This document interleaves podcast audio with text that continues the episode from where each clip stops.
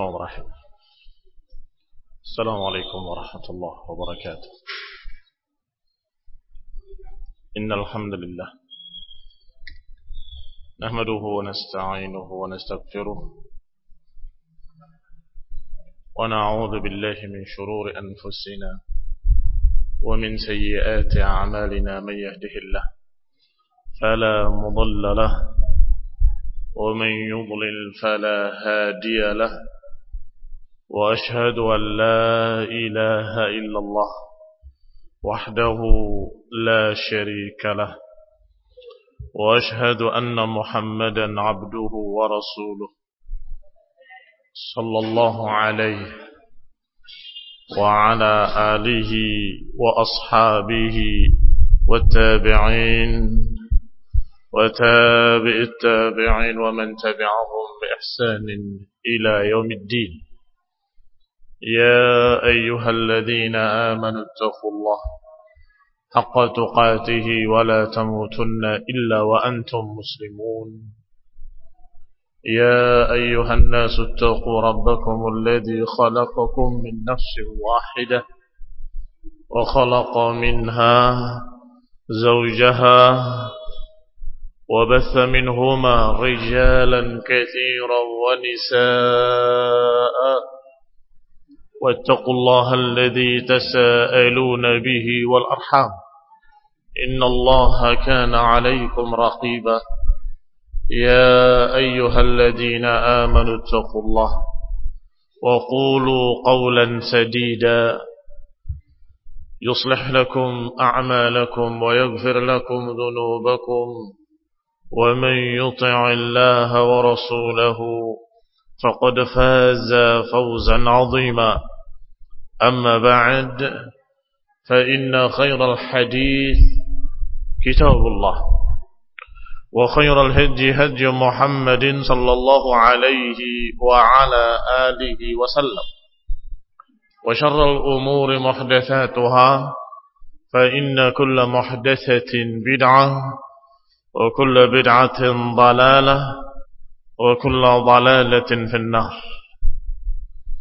إخواني في الدين أعزكم الله kaum muslimin yang saya hormati Alhamdulillah segala puji bagi Allah Subhanahu wa taala yang memberikan kepada kita kenikmatan-kenikmatan khususnya nikmat kesempatan dan nikmat waktu yang Allah berikan.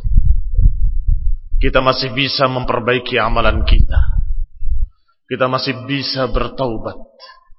Kita masih bisa menambah dengan amalan-amalan saleh.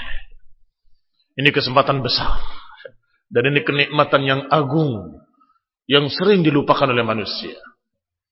Sebagaimana diucapkan oleh Rasulullah sallallahu alaihi wa ala alihi wasallam ni'matani maghbunun fihima katsirun minan nas. Dua kenikmatan.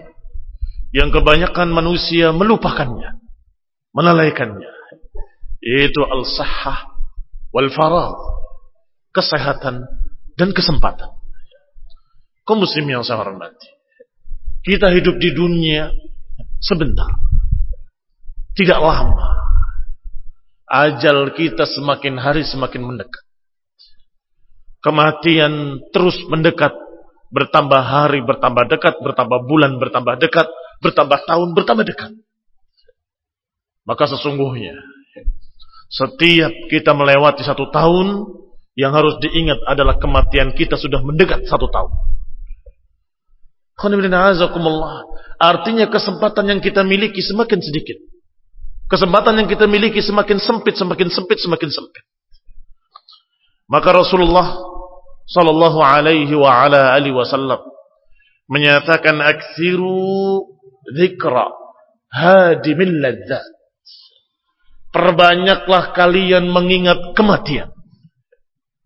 Perbanyaklah kalian mengingat kematian sebagaimana disebutkan hadisnya dalam riwayat Nasai dan juga Imam Ahmad dan Tirmidzi dan Ibnu Majah wa sahahahu Syekh Al-Albani.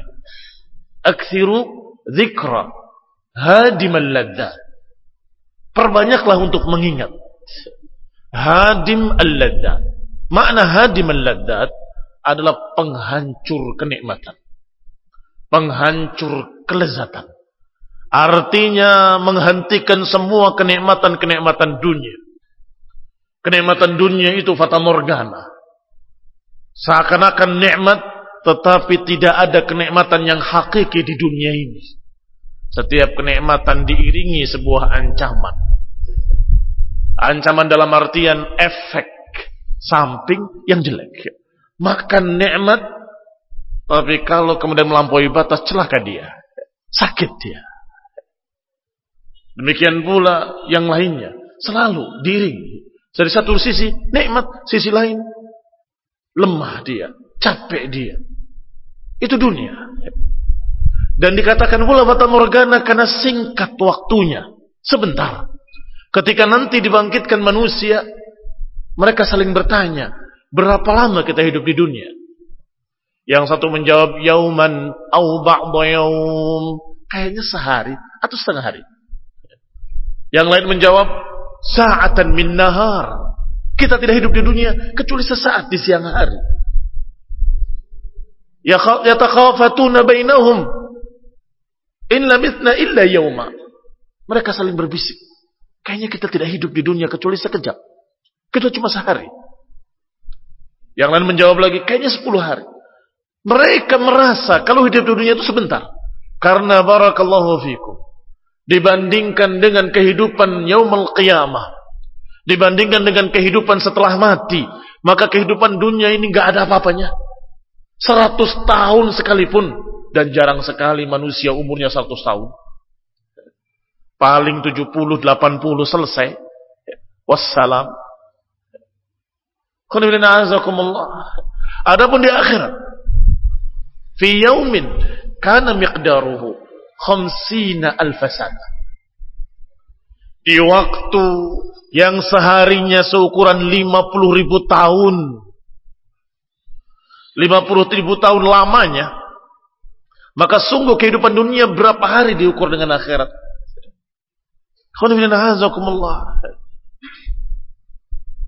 Sepersekian ribunya. Kau muslim yang saya hormati.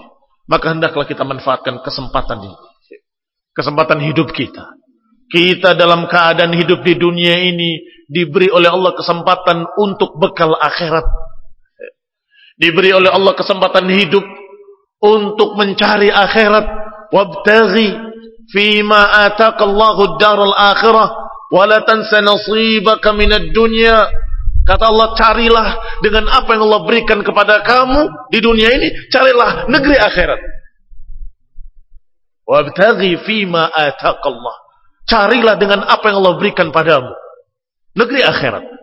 Wala tansa nasibaka minad dunya, tapi jangan lupakan bagianmu di dunia. Sekedar kamu bisa hidup, bisa makan, sehat, bisa berpakaian. Selebihnya, wa ma khalaqtul jinna wal insa illa liya'budun. Tidaklah aku ciptakan jin dan manusia kecuali untuk beribadah kepadaku kata Allah. Itu hikmah dari penciptaan Allah.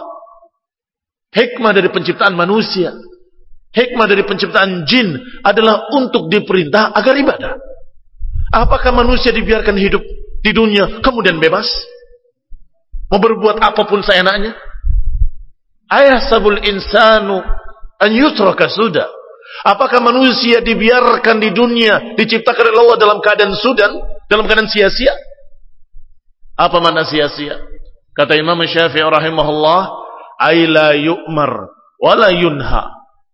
Tidak diperintah, tidak dilarang. Alhamdulillah. Apakah manusia mengira bahwa mereka dibiarkan oleh Allah Subhanahu wa taala sia-sia tanpa diperintah, tanpa dilarang, tanpa diatur dengan syariat, tanpa ada aturan-aturan hukum? Itu namanya sia-sia. Tidak mungkin. Allah menciptakan manusia sia. Tidak mungkin Allah menciptakan manusia sia-sia. Abathan. Kata Allah Subhanahu wa taala di ayat lain menyatakan apakah kalian mengira anna khalaqnakum abathan wa annakum ilaina la turja'un Apakah kami ciptakan kalian sia-sia dan kalian gak akan kembali kepada aku kata Allah. Artinya kalian pasti akan kembali kepada Allah. Tidak akan sia-sia. Kalian diberi oleh Allah sebuah perintah. Agar beribadah kepadanya. Mengesahkan Allah. Beribadah hanya kepada Allah. Mengikuti sunnah Rasulnya sallallahu alaihi wa ala alihi wasallam. Qul i'malu fasayarallah amalakum. Beramallah, Allah akan melihat amalan-amalan kalian. Dan Allah akan hisab. Allah akan hitung. Al-yawm al-amal wa gadan al-hisab. Hari ini adalah amal dan besok perhitungan. Yani yaumul qiyamah. Akan ada hari perhitungan. Akan ada surga dan neraka. Akan ada yaumul hisab. Yaumul jaza, hari pembalasan, semua itu dipastikan ada oleh Allah Subhanahu wa taala dan wajib kita imani sebagai rukun dari rukun-rukun iman. Maka beberapa tahun lagi atau mungkin beberapa bulan lagi atau mungkin beberapa hari lagi kita mati dan kita akan menghadapi alam kubur akan ditanya oleh Allah Subhanahu wa taala, "Man rabbuka?" "Wa dinuk?" "Wa man nabiyyuk?"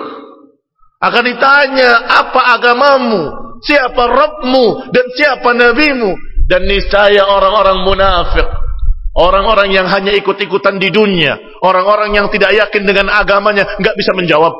Dan Allah kisahkan melalui lisan Rasulnya SAW. Rasulullah SAW berkata, nanti ketika mereka ditanya, Man Rabbuka, Man Nabiyuk, atau Madinuk, dia tidak akan menjawab dan akan berkata, Ha, ha, ha, la adri. Sami'tun nas yaquluna syai'an faqultuhu. Aku tidak tahu, aku tidak tahu. Aku cuma mendengar manusia berkata sesuatu, aku cuma ikut. Aku hanya ikut mereka. Ini para munafikin. Ini mereka-mereka para mudabdabin. Mereka-mereka yang muqallidin, yang hanya ikut-ikutan. Mereka berkata dalam kuburnya, ha, ha, la adri. Aku tidak tahu, aku tidak tahu. Sami'tun nas yaquluna syai'an faqultuhu. Aku dengar manusia berkata sesuatu, kemudian aku ikut mereka. Maka dipukullah dengan pukulan dari besi. Bimidrabin min hadid. Wa yusma' dan terdengar suara jeritannya oleh seluruh makhluk kecuali manusia dan jin. Adapun binatang-binatang kadang mereka mendengar dan mereka terkejut dan kaget mereka. Sedangkan manusia tidak mendengar. Kalau saja kata Nabi manusia diperdengarkan jeritan mereka, misalnya mereka semuanya akan tersungkur gak sadarkan diri. Akan pingsan seluruhnya. Kemudian dihimpit dengan bumi sampai ikhtalafat adla'uh. Sampai bersilangan tulang rusuknya. Kau muslimin yang saya hormati itu baru ancaman adab kubur. Yang Allah subhanahu wa ta'ala menyatakan tentang Fir'aun bahwa mereka diadab ila yaumi yub'atsun diadab an-naru yu'raduna fiha? Ay yu'raduna alaihi an-nar? Neraka didekatkan kepadanya sampai hari kiamat. Apa maknanya itu? Maknanya adab kubur sebelum adab akhirat bagi siapa yang mukmin, maka kuburannya akan menjadi raudhatun min riyadil jannah.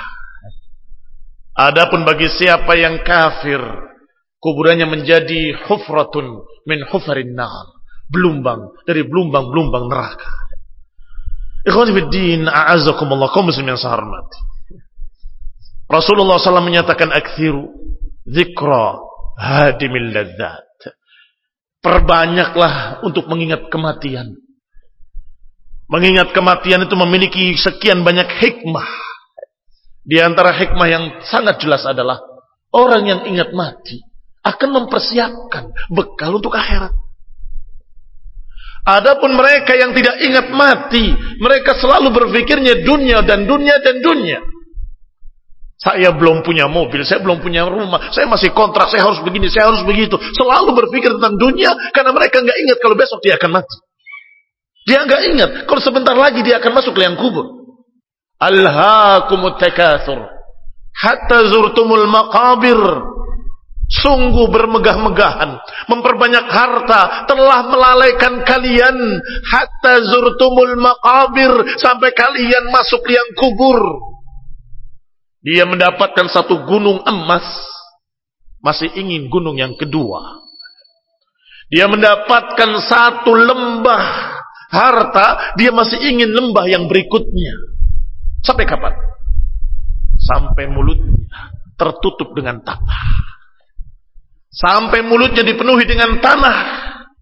Baru dia tidak bisa lagi mengharap apa-apa dari dunia. Sudah datang hadimul ladzat, sudah datang sang penghancur kelezatan. Sudah datang hadim yang meruntuhkan segala macam kenikmatan dunia. Dan setelah itu terbuka pintu akhirat. Dimulai pintu akhirat dengan alam kubur, alam barzakh. Kemudian dibangkitkan yaumul qiyamah untuk dihisab. Dikumpulkan di padang mahsyar. Kemudian ditanya oleh Allah yaumul qiyamah Ditanya kenapa engkau berbuat begini, kenapa engkau berbuat begitu. Semuanya akan ditanya dan dia akan dihadapkan pada Allah Subhanahu wa taala. Laisa bainahu wa bainallahi turjuman. Enggak ada penterjemah antara dia dengan Allah, hanya dia dengan Allah Subhanahu wa taala. Ditanyakan kenapa engkau berbuat seperti ini? Kenapa engkau berbuat seperti itu? Setelah itu,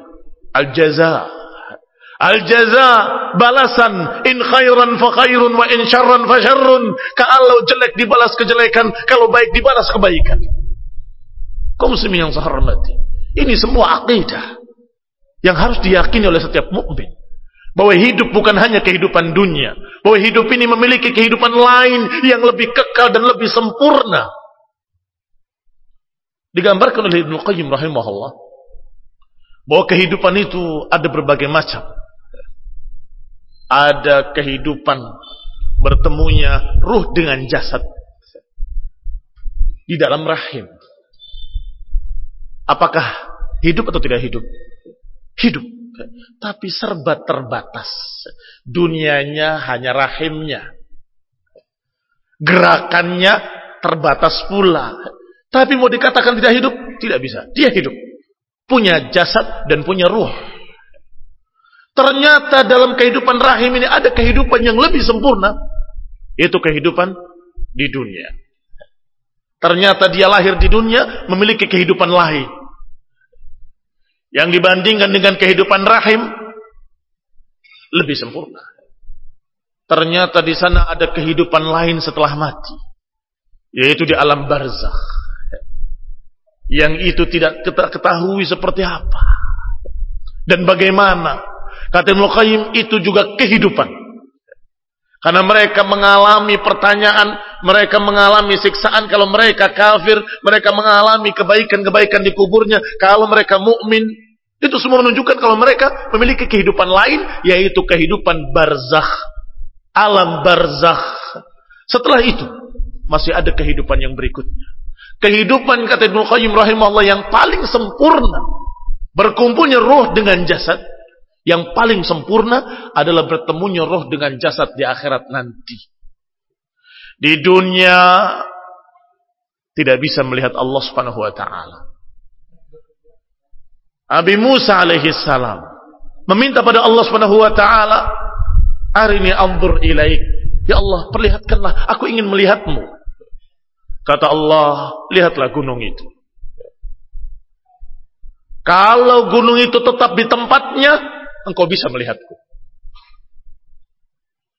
Kalau gunung itu runtuh, berarti engkau tidak akan bisa melihatku. Falamma tajalla lil jabali ja'alahu dakka. Ternyata ketika Allah menampakkan dirinya pada gunung, gunung itu hancur dulu. Wa kharra Musa sa'iqa dan Musa tersungkur pingsan gak sadar diri. Ketika sadar minta ampun pada Allah Subhanahu wa taala. Aku nggak akan lagi meminta kepadamu apa yang aku tidak punya ilmunya. yang saya hormati. Itu kehidupan dunia.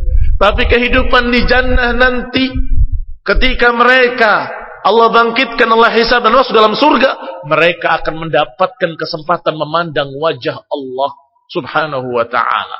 Berarti kehidupan mereka ketika itu berbeda dengan kehidupan dunia. Lebih sempurna, lebih sempurna, lebih sempurna. Maka Allah Subhanahu wa taala menanyakan pada mereka, "Bukankah apa yang aku janjikan sudah aku penuhi?" Kata mereka penduduk surga, "Bala, tentu ya Rabb. Alam tubayyid wujuhana Bukankah, bukankah engkau telah memutihkan wajah-wajah kami? Bukankah engkau telah masukkan kami ke dalam surga? Bukankah engkau telah menyelamatkan kami dari api neraka?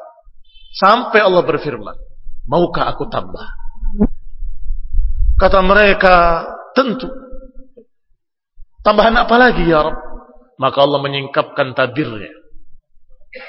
Dan mereka seluruhnya memandang wajah Allah dan merasa lezat, merasa nikmat memandang wajah Allah Subhanahu wa taala yang tidak sama dengan makhluk apa pun, enggak sama dengan manusia mana pun.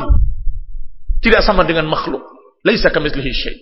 Mereka merasa nikmat, merasa nikmat dan lupa dengan kenikmatan surga. Sampai Allah tutup kembali hijabnya. Dan mereka bernikmat-nikmat dengan surga sambil rindu kapan pertemuan dengan Allah lagi. Kapan bisa memandang wajah Allah lagi? Itu kehidupan akhirat. Maka kaum muslimin yang saya hormati, kalau kalian tidak percaya dengan kehidupan akhirat, seakan-akan engkau dalam rahim yang kecil nggak tahu ada kehidupan dunia. Yang ternyata ketika dia lahir baru dia tahu, ternyata ada kehidupan lain. Demikian pula kehidupan dunia yang sebentar. Yang Allah katakan sebagai fata morgana. Wa mal hayatud dunya Tidaklah hayatud dunya illa mata'ul ghurur. Tidaklah kehidupan dunia kecuali kenikmatan yang menipu kata Allah. Mata'ul ghurur, kenikmatan yang menipu kalian, yang melupakan kalian pada akhirat. Disangka itu nikmat, ternyata itu adalah beban berat. Ada orang-orang kaya yang mengeluh dan menyatakan sungguh kehidupanmu hai orang miskin betapa nikmatnya. Loh, kenapa? Karena ternyata dengan kekayaannya dia terbebani sekian beban yang memberatkan pikirannya, memberatkan hatinya, memberatkan badannya, hampir-hampir nggak bisa tidur kecuali dengan menelan pil, dengan obat. Kasihan. Maka yang namanya kenikmatan adalah kenikmatan akhirah. Yang namanya kehidupan adalah kehidupan akhirat. Itu kehidupan yang hakiki. La aisha illa aisal akhirah. Faghfir lil ansari wal muhajirah. Ucapan siapa itu? Ucapan para sahabat ketika bekerja menggali parit bersama Rasulullah SAW. Ketika menggali khandak dalam perang khandak. La aisha illa aisal akhirah Nggak ada kehidupan kecuali kehidupan akhirat. Loh kehidupan dunia bagaimana? Kehidupan dunia nggak dianggap. Kenapa? Karena sebentar sekali dan setelah itu mati. Kamu mengumpulkan sekian banyak harta, sekian banyak harta, kemudian mati. Tidak membawa apa pun. Bahkan ke kuburnya hanya membawa dua helai kain, kafan. Apalagi? Campur kapur barus. Dengan kapas di matanya dan di mulutnya dengan kapas di seluruh lubang-lubangnya. Selesai. Habis itu tidak ada lagi hartamu, benda-benda yang kamu miliki, emas dan perakmu, kedudukanmu, tidak ada semuanya. Saudaramu, temanmu, kekasihmu yang mencintaimu pulang, nggak akan nemeni di kuburanmu. Setelah itu kan ditanya. Dengan malakul munkar wa nakir. Ditanya dengan pertanyaan man rabbuka, man nabiyuk dan gak mungkin akan bisa menjawab kecuali seorang mukmin. Kaum muslimin yang saya hormati. Akan didatangi nanti oleh seseorang yang sesosok makhluk. Yang indah, yang sangat bagus paras wajahnya. Ketika ditanya, siapa kamu? Aku amalanmu. Yang akan menemaninya adalah amalan solehnya. Adapun semua hartanya hilang, bagaimana dengan mereka-mereka yang tidak memiliki amalan saleh atau mereka-mereka yang kafir atau mereka-mereka yang naudzubillah ala dalal di atas kesesatan. Yang datang adalah makhluk yang mengerikan. Siapa kamu? Aku melihat engkau adalah orang yang jelek, orang yang jahat. Aku adalah amalanmu sendiri. Dan itu diriwayatkan dalam riwayat-riwayat yang sahih. Rasulullah Shallallahu Alaihi wa ala alihi Wasallam pernah bertanya kepada para sahabat tentang al-kayyis, Tahukah kamu siapa orang yang cerdas? Siapakah Al-Kayyis? Maka mereka menjawab Allah wa Rasuluhu a'lam. Qala Al-Kayyis. Orang yang cerdas adalah mandana nafsahu. Siapa yang menundukkan hawa nafsunya. Wa amila lima ba'dal maut. Dan beramal untuk nanti setelah mati. Berarti dia cerdas. Dalam riwayat yang lebih sahih, bahwasanya ada seorang sahabat yang datang kepada Rasulullah SAW bertanya, "Ail mu'min afdal?" Mukmin yang seperti apa yang paling baik? Dijawab, "Ahsanuhum khuluqan." Yang paling bagus akhlaknya. Itu mukmin yang paling baik adalah mukmin yang paling bagus akhlaknya. Qala fa ayyul akyas? Kalau begitu siapa orang beriman yang paling cerdas? Qala aktsaruhum lil mauti dzikra. Muslim mukmin yang paling cerdas adalah yang paling banyak mengingat kematian. Yang paling banyak mengingat kematian. Wasanuhum lima ba'dahu isti'dadan. Yang mas paling banyak mempersiapkan untuk setelah kematian. Ulaikal akyas, ulaikal akyas. Mereka lah orang-orang cerdas, mereka lah orang-orang cerdas. Dikeluarkan oleh Imam Malik rahimahullah dalam fitan dan disebutkan oleh Syekh Al-Albani Hasan orang yang cerdas, seorang mukmin yang cerdas adalah yang banyak mengingat kematian. Mukmin yang cerdas adalah orang yang mempersiapkan untuk nanti kehidupan yang lebih panjang. Adapun mereka-mereka yang hanya mementingkan dunia, maka orang ini tidak cerdas. Nggak bisa berhitung. Nggak bisa mengerti. Alhamdulillah. Panjang mana sehari dengan 50 ribu tahun. Nggak bisa menghitung panjang mana hari yang 24 jam dengan hari yang 50 ribu tahun seharinya. Kalau orang cerdas akan melihat ini sekejap, ini sekian lama selama-lamanya, maka aku akan persiapkan untuk yang selama-lamanya, bukan untuk yang sekejap. Kalau dia berpikir untuk yang sekejap mata, kemudian habis, kemudian yang kekal selama-lamanya nggak pernah dipikirkan, berarti dia tidak cerdas. Nggak bisa berhitung mana yang lebih panjang, mana yang lebih penting, mana yang lebih harus dipentingkan. Nggak tahu dia. Tanyakan pada mereka. Bagaimana kalau ada seseorang yang menyeberangi jembatan. Ternyata jembatannya indah sekali. Dia menginginkan untuk menyeberangi sungai tadi. Tetapi ketika dia melihat indahnya jembatan tadi, dia bangun rumah di situ. Dia tinggal di situ. Apa akan kita katakan? Dungu. Bodoh dia. Tujuanmu itu bukan itu. Tujuan kamu itu ke sana. Tanah yang sangat luasnya. Adapun jembatan itu sekejap saja. Selesai. Itulah barakallahu fikum gambaran dunia. Seseorang yang jalan menuju akhirat tiba-tiba di dunia lupa dengan tujuannya. Fa'ina tadhabun? Fa'ina tadhabun? Ke mana kalian akan pergi? Ke mana kita akan pergi? Ke mana seluruh manusia akan pergi? Apakah tetap di dunia selama-lamanya? Wallahi. Kaum Ad ingin kekal di bumi tapi nggak berhasil. Fir'aun ingin selama-lamanya berkuasa tapi mereka tenggelam. Semua orang-orang yang sombong ingin hidup selama-lamanya, ternyata mati. Termasuk Khairul Anwar yang ingin hidup seribu tahun lagi. Ke mana dia? Mati. Jangan khayal. Jangan khayal aku ingin hidup seribu tahun. Seratus tahun aja belum tentu. Apalagi seribu tahun. Pikirkan apa yang setelah mati. Jangan pikirkan dunia. Dunia itu kita lewati.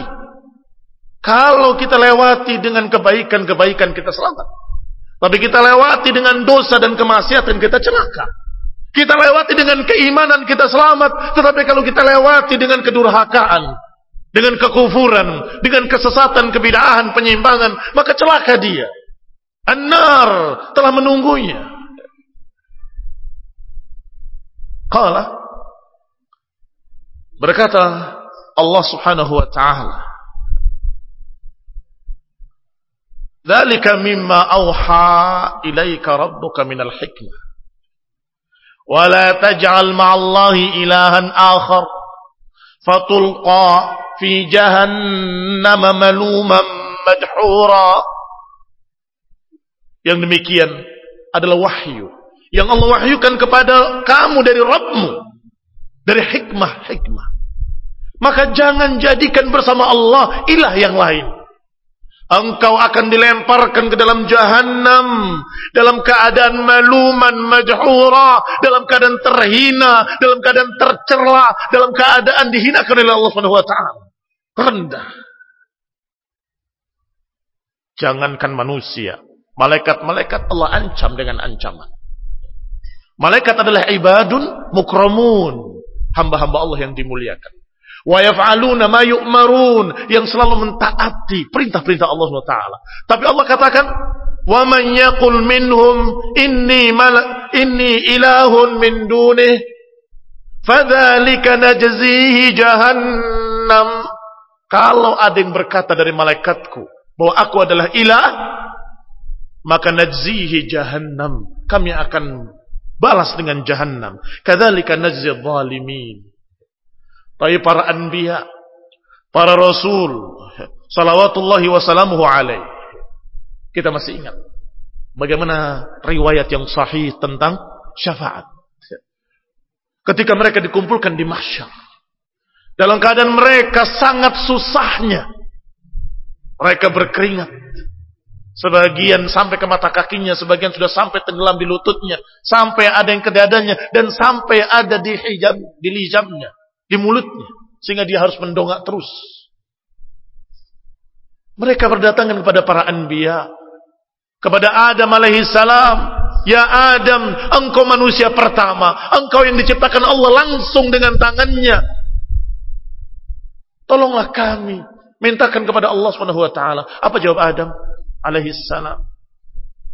Apa jawab Adam alaihi salam? Nafsi, nafsi, diriku, diriku. Aku pernah melanggar perintahnya, memakan buah khuldi. Aku khawatir Allah murka kepadaku. Inna Allah qad ghadibal yawm. Ghadban. Allah telah murka pada hari ini. Dengan kemurkaan yang belum pernah dia murka sebelumnya. Dan gak akan murka setelahnya seperti ini. Berarti puncaknya kemarahan Allah Ta'ala. Nafsi, nafsi. Diriku, diriku. Pergi kepada yang lain. Datang kepada Nabi Ibrahim alaihissalam. Juga sama menyatakan aku telah berdusta dengan tiga kedustaan.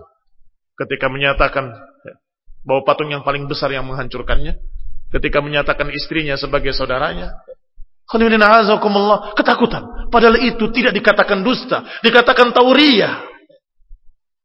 Nafsi, nafsi, diriku, diriku. Allah telah murka dengan kemurkaan yang gak pernah murka seperti itu sebelumnya dan gak akan murka seperti itu setelahnya. Diriku, diriku. Pergilah kepada selainku, pergilah kepada selainku. Semua para nabi mengatakan aku takut pada Allah. Aku takut kepada Allah. Aku telah berbuat dosa. Aku telah salah. Allah telah murka. Apakah kita nggak takut? Apakah kita yang bukan nabi, bukan rasul, bukan malaikat, kemudian tenang-tenang saja nggak takut? Enggak khawatir Allah masukkan kita dalam neraka jahanam.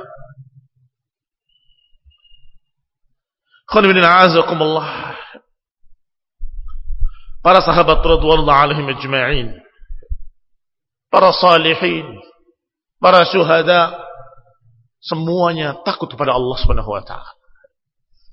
Dan mereka berkata wallahi kalaupun Aku sudah masuk kaki kananku ke surga. Aku belum yakin kalau kaki kiriku akan masuk dalam surga.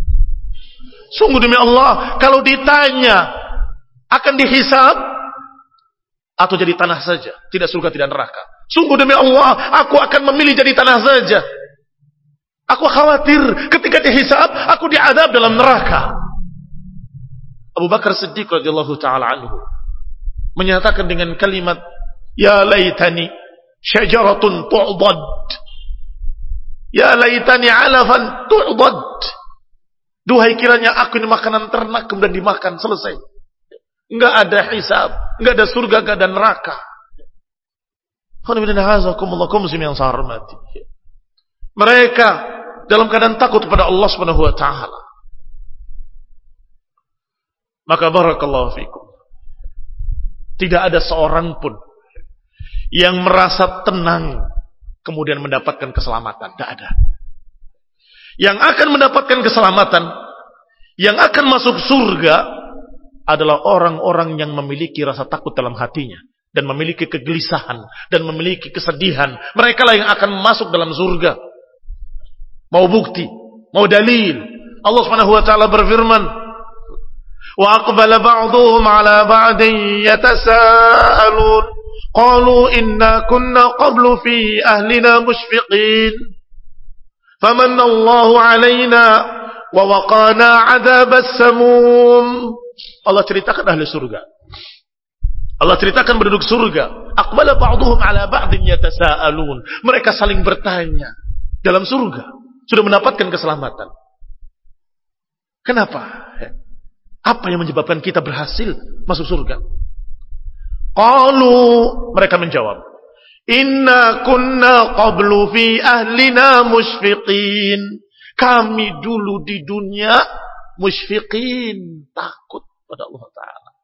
Inna kunna qablu. Kita dulunya di keluarga kami dalam keadaan takut kepada Allah Subhanahu wa taala, dalam keadaan gelisah. Famanallahu alaina. Sekarang Allah berikan kepada kami kebahagiaan, ketentraman. Wa waqana adzabas samum dan kami dilindungi dari adzabas samum. Tafsirnya berkata Ibrahim At-Taimi rahimahullah tentang tafsir ayat ini. Qala yanbaghi liman lam yahzan an yakhafa an yakuna min ahlin. Sudah semestinya orang yang tidak sedih di dunia, tidak gelisah di dunia, harusnya dia khawatir masuk neraka. Kenapa? Karena Allah gambarkan orang yang masuk surga adalah orang-orang yang sedih di dunia. Apa ayatnya? Alhamdulillahilladzi adhaba hazan. Ucapan penduduk surga. Alhamdulillahilladzi adhaba hazan. Segala puji bagi Allah yang telah menghilangkan kesedihan kita. Yang sedih di dunia, bahagia di akhirat. Yang takut di dunia, tentram di akhirat. Sebaliknya yang tenang di dunia akan takut di akhirat. Apa amina ahlul qura an ya'tiyahum ba'suna bayatan wa hum naimun. Apakah manusia mengira atau apakah mereka merasa tenang dari adab Allah yang mungkin akan turun di malam hari dalam keadaan mereka tidur? Awa amina ahlul qura ayyatiyahum ba'suna duhan wa hum yal'abun. Apakah manusia mengira bahwa mereka atau apakah manusia merasa tenang dari adab Allah? yang mungkin datang di pagi hari dalam keadaan mereka bermain-main? Afa aminu makrallah? Apakah mereka merasa aman dari adab Allah? Faman ya'man makrallahi illa fala ya'man makrallah illa alqaumul khasirun. Tidaklah merasa aman dari adab Allah kecuali orang-orang yang rugi. Yang merasa aman dari adab Allah akan takut yaumul qiyamah. Siapa yang takut dari adab Allah di dunia akan tenang yaumul qiyamah. Ini khonibin azakumullah. Lihat ucapan Ibrahim At-Taimi selanjutnya. Qala wa yanbaghi liman lam yusfiq an yakhafa an la yakuna min ahli jannah. Dan hendaklah orang yang tidak memiliki kesedihan dan rasa takut di dunia, yang tidak gelisah dengan dosa-dosanya, enggak takut pada Allah Subhanahu wa taala, hendaklah dia khawatir dia enggak masuk surga. Hendaklah dia khawatir dia nggak masuk surga. Karena yang masuk surga adalah orang-orang yang sedih di dunia. Kemudian mereka masuk surga dan berkata, Inna kunna qablu fi ahlina musfiqin. Kita dulu di dunia dalam keadaan takut, dalam keadaan sedih.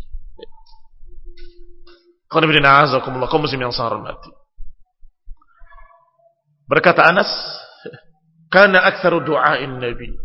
Bahwa kebanyakan doa Nabi Isinya Rabbana atina fid dunya hasanah wa fil akhirati hasanah wa qina. Ada kalimat wa qina adzabannar. Jauhkah kami dari adab neraka. Jauhkan kami dari adab neraka.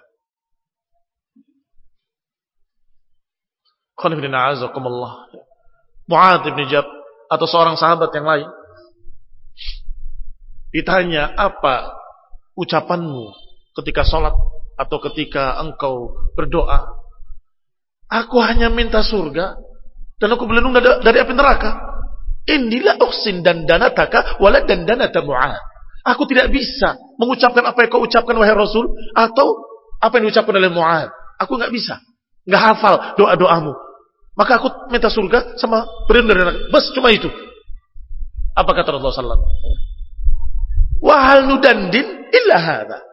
Tidaklah kami mengulang-ulang doa kami kecuali itu. Minta surga dan takut neraka. Apalagi?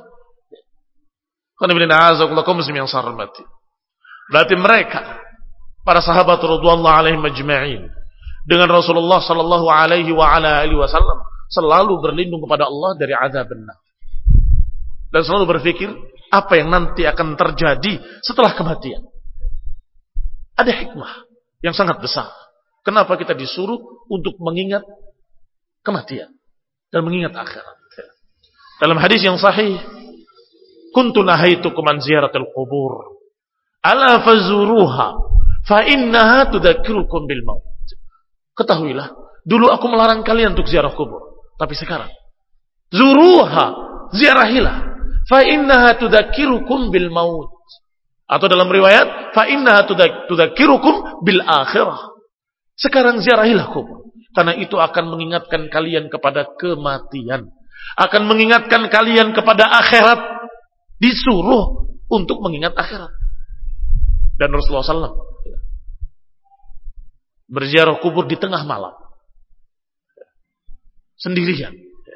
Sampai Aisyah kehilangan. Ke mana suamiku? Diikuti oleh Aisyah ke mana gerangan beliau? Ternyata ke kuburan Baqiyah mendoakan mereka kemudian pulang. Itu ziarahnya beliau sallallahu alaihi wa ala alihi wasallam. Ziarahnya beliau bukan tamasya, bukan wisata religius, bukan rame-rame dengan bawa snack, makan-makan di sana bukan. Tapi datang melihat mereka, mendoakan mereka, dan kembali pun mengingat bahwa kita pun akan ke sana. Dan itu terungkap dalam ucapannya ketika salam. Assalamualaikum ya ahlal kubur. Minal mu'minina wal mu'minat. Antum sabiqun. Wa inna insyaallah bikum lahiqun. Atau Assalamualaikum ya ahlal diyar. Assalamualaikum ya ahlal diyar. Wahai penduduk kubur. Kalian lebih dulu dan kami akan menyusul. Selalu diucapkan. Setiap masuk ke kuburan. Assalamualaikum ya ahlad dia. Nal mu'minin wal mu'minat. Antum sabiqun wa inna insyaallah bikum lahiqun dan kami insyaallah akan menyusul kalian. Kami insyaallah akan menyusul kalian. Kami insyaallah akan menyusul kalian wahai ahlul kubur. Artinya kami akan mati seperti kalian. Selalu diulang, diulang, ingat terus bahwa aku akan mati, aku akan mati, aku akan mati. Apa yang sudah dipersiapkan? Di antara hikmah-hikmah kita mengingat kematian. Kata Ibnu Daqqaq rahimahullah, yang pertama ta'jilut taubah. Kalau kita ingat mati, kita akan bersegera taubat. Bersegera untuk bertaubat dengan taubatan nasuha, menghentikan kemaksiatan yang biasa dikerjakannya menghentikan berbagai macam dosa-dosa yang selalu dia kerjakan. Dan bertaubat dengan taubatan nasuha. Berhenti dengan benar-benar berhenti. Dan berazam untuk tidak mengulangi. Dan menangis di hadapan Allah ampunilah kami ampunilah kami. Karena dia berpikir akan mati. Jangan sampai ketika mati belum taubat. Yang kedua qanaatul qalbi. Hikmah kedua hati menjadi qanaah Dapatnya cuma sekian, alhamdulillah. Oh, hidup saya berapa hari lagi? Gak tahu. Kenapa harus kecewa? dengan pemberian Allah Subhanahu wa taala. Maka diberi sekian alhamdulillah, diberi sekian alhamdulillah, diberi sekian alhamdulillah. Qanaah. Merasa syukur dengan apa yang ada, merasa cukup dengan apa yang ada. Ini kalau orang itu ingat kematian. Tetapi kalau lupa dengan kematian serakah. Kalau lupa dengan kematian tamak, serakah, nggak pernah merasa cukup, nggak pernah bersyukur. Kok cuma segini? Kok cuma segitu? Hikmah yang ketiga. Nasyatul ibadah. Semangat untuk beribadah. Karena dia tahu akan mati. Sallu. Salat al-muwaddi' Salatlah dengan salat perpisahan. Bayangkan bagaimana kalau seorang tahu besok akan mati. Pasti dia akan beribadah dengan sebaik-baik ibadah akan beribadah dengan sekhusyuk-khusyuk ibadah. Kenapa? Karena merasa akan mati. Kamu besok akan dihukum mati. Kamu akan digantung besok. Bagaimana kira-kira? Akan semangat beribadah. Kenapa kok dia semangat beribadah? Karena dia tahu akan mati. Taib, kalaupun nggak dihukum, kamu nggak yakin kamu akan mati. Walaupun nggak dihukum dengan hukum gantung, apakah nggak yakin kalau kita akan mati? Walaupun belum tahu kapan. Entah esok, entah lusa, entah bulan depan, entah tahun depan. Wallahu taala alam. Allah Subhanahu wa taala memegang ubun-ubun kita. Kapan Allah kehendaki Allah cabut nyawa kita. Maka tentunya dengan demikian ya, akan bertambah ibadah. Tiga hikmah ini akan didapat kalau kita selalu ingat kematian. Sebaliknya kalau kita melupakannya akan ditimpa tiga bencana.